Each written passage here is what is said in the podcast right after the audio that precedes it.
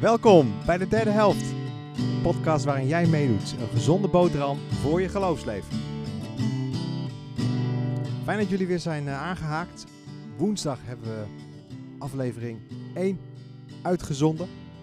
Die ging over dat weinig veel is in Jezus' handen. En jullie hebben gereageerd. Dat was hartstikke fijn, want daarmee gaan we deze podcast, de derde helft, gaan we nu verder vullen. Maar als je nu net bent aangehaakt voor het eerst, dan leg ik nog even uit wat de derde helft inhoudt. Nou, de eerste helft, die verschijnt op woensdag. Wordt muziek, een meditatie, een vraag voor jou en een leuke tip. In de tweede helft ligt de bal bij jou. Wat roept dit thema bij je op? Welke vragen heb je? Laat het ons weten via Instagram, Facebook of stuur dan een mailtje naar de derde helft apenstaartje cgkzwolle.nl.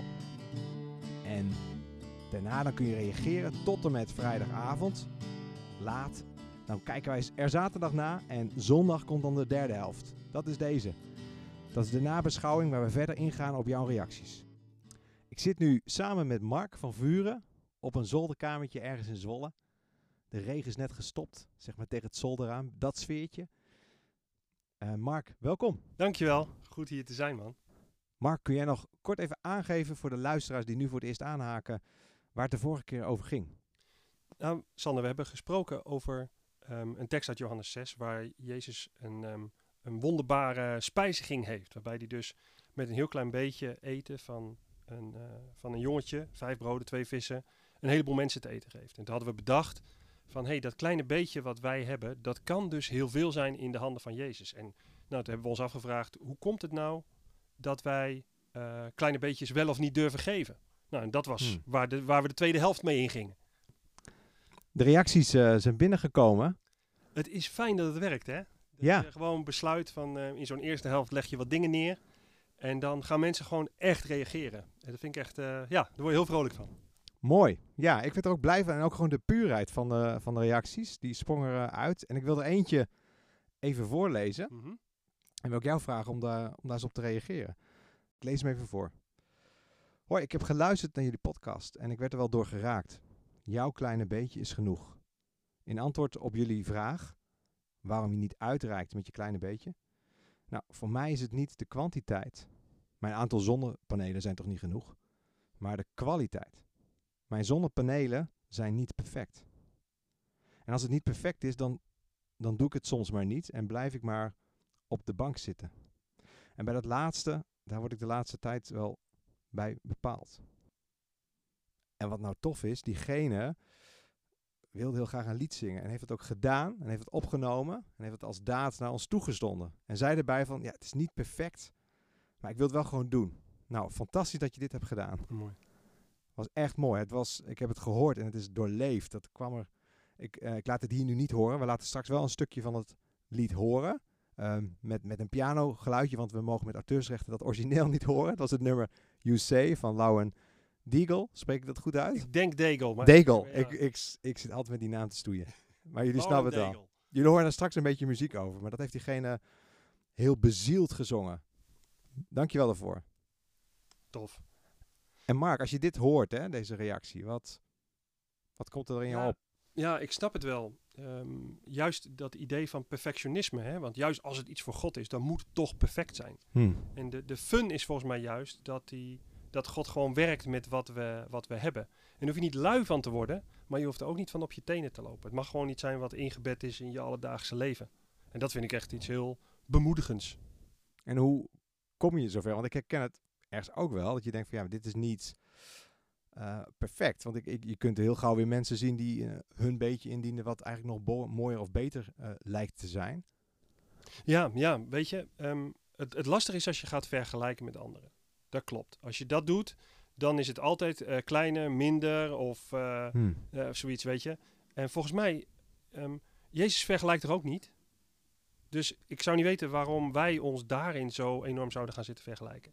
Ja, goeie. Ja, hij heeft wel gelijkenissen, maar geen vergelijkenissen. dat was, voor mij is vergelijk ook bijna, ik doe het zelf ook wel, is dan bijna ook een oordeel wat je velt naar, je, naar jezelf. Ja, het is een, een, een irrelevante categorie, weet je wel. Dat is gewoon een vraag die je niet hoeft te stellen.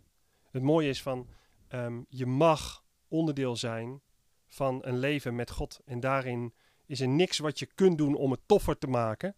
En niks wat je, wat je aan lelijkheid kan doen om het, om het kleiner te maken. Weet je wel, dat is voor God gewoon geen vraag. En dat geeft je de vrijheid om dat kleine beetje dat je hebt vervolgens te delen. Heerlijk, dat is gewoon goed nieuws. Ja, vind dat Dit is ja, goed nieuws. Dat is goed nieuws. Ik hoor het muziekje al starten. We gaan er even kort naar luisteren. Je, mag hem, je hoort hem niet helemaal, maar dan kun je hem zelf nog even op YouTube opzoeken. Het nummer Say van Lauren Daigle,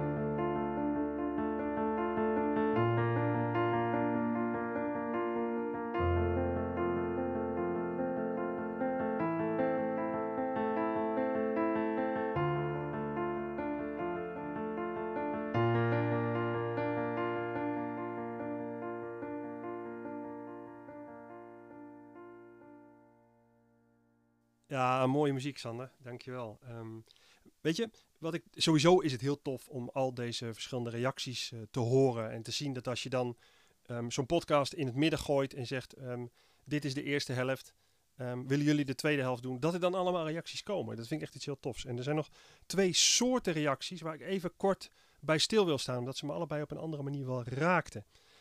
de eerste reactie was van, van iemand die zei.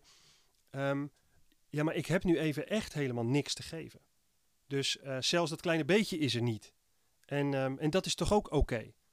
En, um, en dat vond ik heel mooi, want als ik dan denk aan hoe Jezus die 5000 mensen te eten geeft, dan is het niet zo dat hij die 49.000, nee, 4999 mensen um, uh, kwaad aankijkt en zegt van deze jongen heeft het eindelijk begrepen.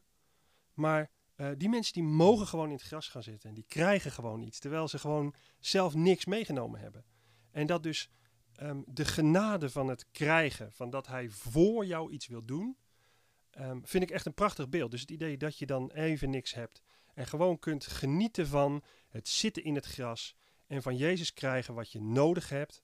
Um, dat, dat vind ik echt een heel mooi, eigenlijk een heel mooi beeld, wat mooi aanvult. Want we, we hebben het eigenlijk bijna nooit over die uh, 4999 anderen.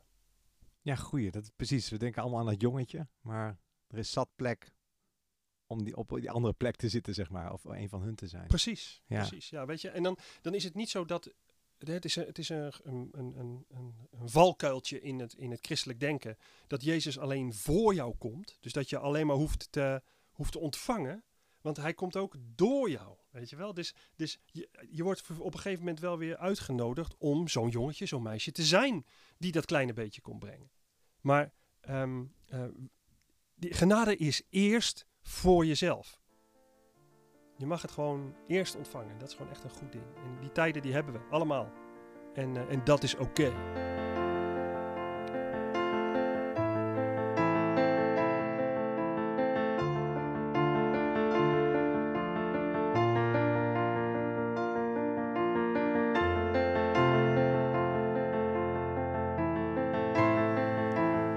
Tweede reactie waar ik wel wat meer over wil, uh, wil, wil, zeggen, omdat ik er wel lang over nagedacht heb, dat is iemand die zei van, um, ik herken het niet, want ik heb juist heel veel te geven. Ik heb zoveel gekregen van God, alleen het lijkt er soms op alsof niemand het wil hebben.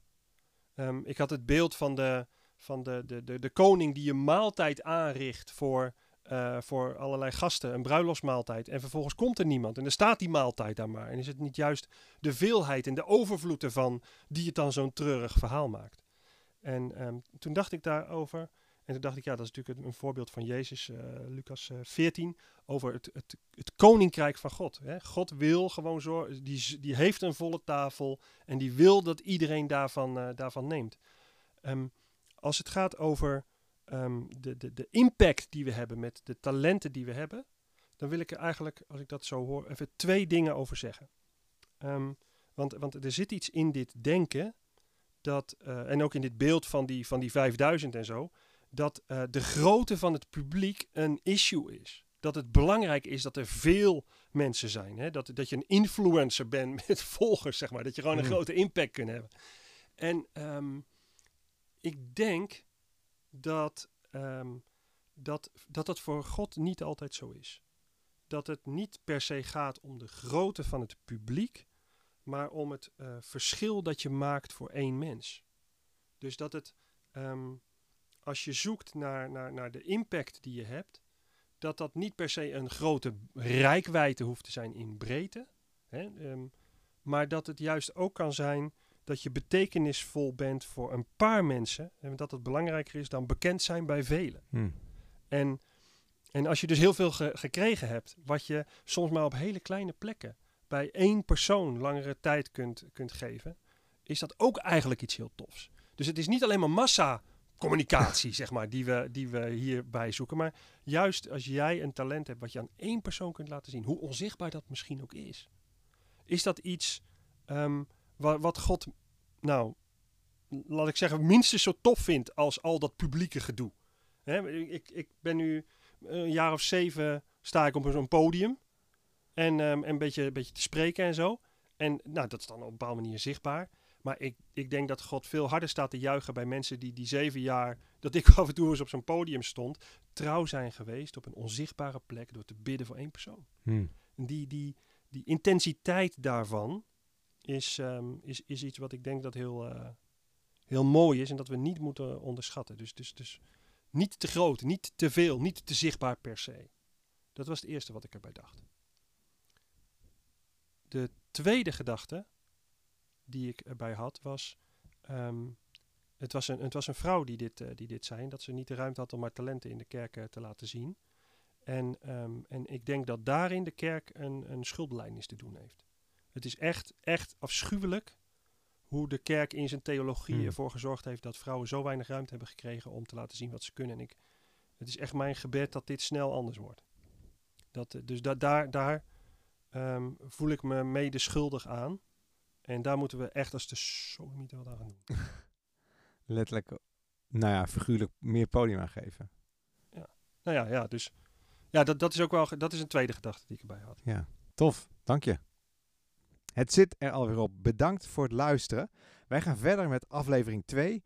En die gaat over klagen. Daar gaat Mark het met ons over hebben. Je krijgt een soort van, misschien wel een soort van training. Eh, het is prikkelend. Die komt woensdag, eh aanstaande woensdag online. Dus eh, luisteren, welkom. Daar gaan we mee verder. We kunnen ons ook voorstellen dat wat je nu hebt gehoord, dat het nog vragen bij je oproept. Dat je ook over verder wil praten. We raden aan, doe dat. Zoek iemand in je buurt waar je erover verder kan praten. Of benader iemand uit je kring. Of misschien een pastoraal medewerker uit onze kerk. Doe dat. En wat nog leuk is om te weten, daar kwamen we deze week achter. Zondag 12 juli gaat het in de online viering ook over dit stuk uit Johannes 6. Maar dan uit een ander Bijbelgedeelte. Oh, dus niet uit Johannes 6. Maar gaat het dus ook over Jezus die eh, dat brood uitdeelt en vermenigvuldigt. Eh, dus kijken zou ik zeggen en luisteren. We gaan er bijna uit. We willen jullie nog een, een mooie bemoediging meegeven. Mark heeft een stuk eh, opgezocht. Mark, wil je die met ons delen? Ja, een bemoedigende tekst, want ehm, eh, dat, dat, dat is de golflengte waarop God graag eh, ook werkt. En dan staat er in Psalm 92 staat er een tekst dat de rechtvaardigen die groeien op als een palm, als een ceder van de Libanon rijzen ze omhoog. Ze staan geplant in het huis van de Heer en in de voorhoven van onze God groeien ze op. En dat geldt dus over, dat gaat voor ons, dat geldt over, voor ons ook. En zij dragen nog vrucht als ze oud zijn en blijven krachtig en fris. Zo getuigen ze dat de Heer recht doet. Mijn Heer, mijn rots, in wie geen onrecht is. Mooi toch? Amen, dit is tof. Hier gaan we mee eh, de week in. Ik wens je een fijne dag of ochtend of avond toe. Wel trusten. Of een mooie, ja, een mooie dag. Ik weet niet welk deel het nu is. Ehm, het gaat je goed. Tot de volgende keer. Dat was de derde helft.